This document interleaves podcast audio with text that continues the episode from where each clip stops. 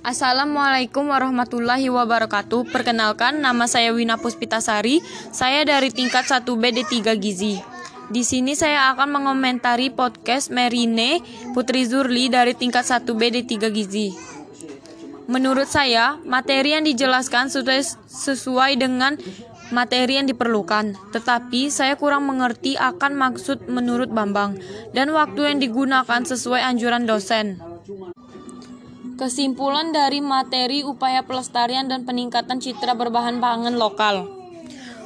Untuk meningkatkan kesadaran masyarakat agar memanfaatkan makanan lokal sebagai sumber gizi dan upaya memberdayakan pola konsumsi pangan beraneka ragam yang seimbang dan aman dalam komposisi guna kebutuhan gizi untuk hidup sehat, aktif, dan produktif.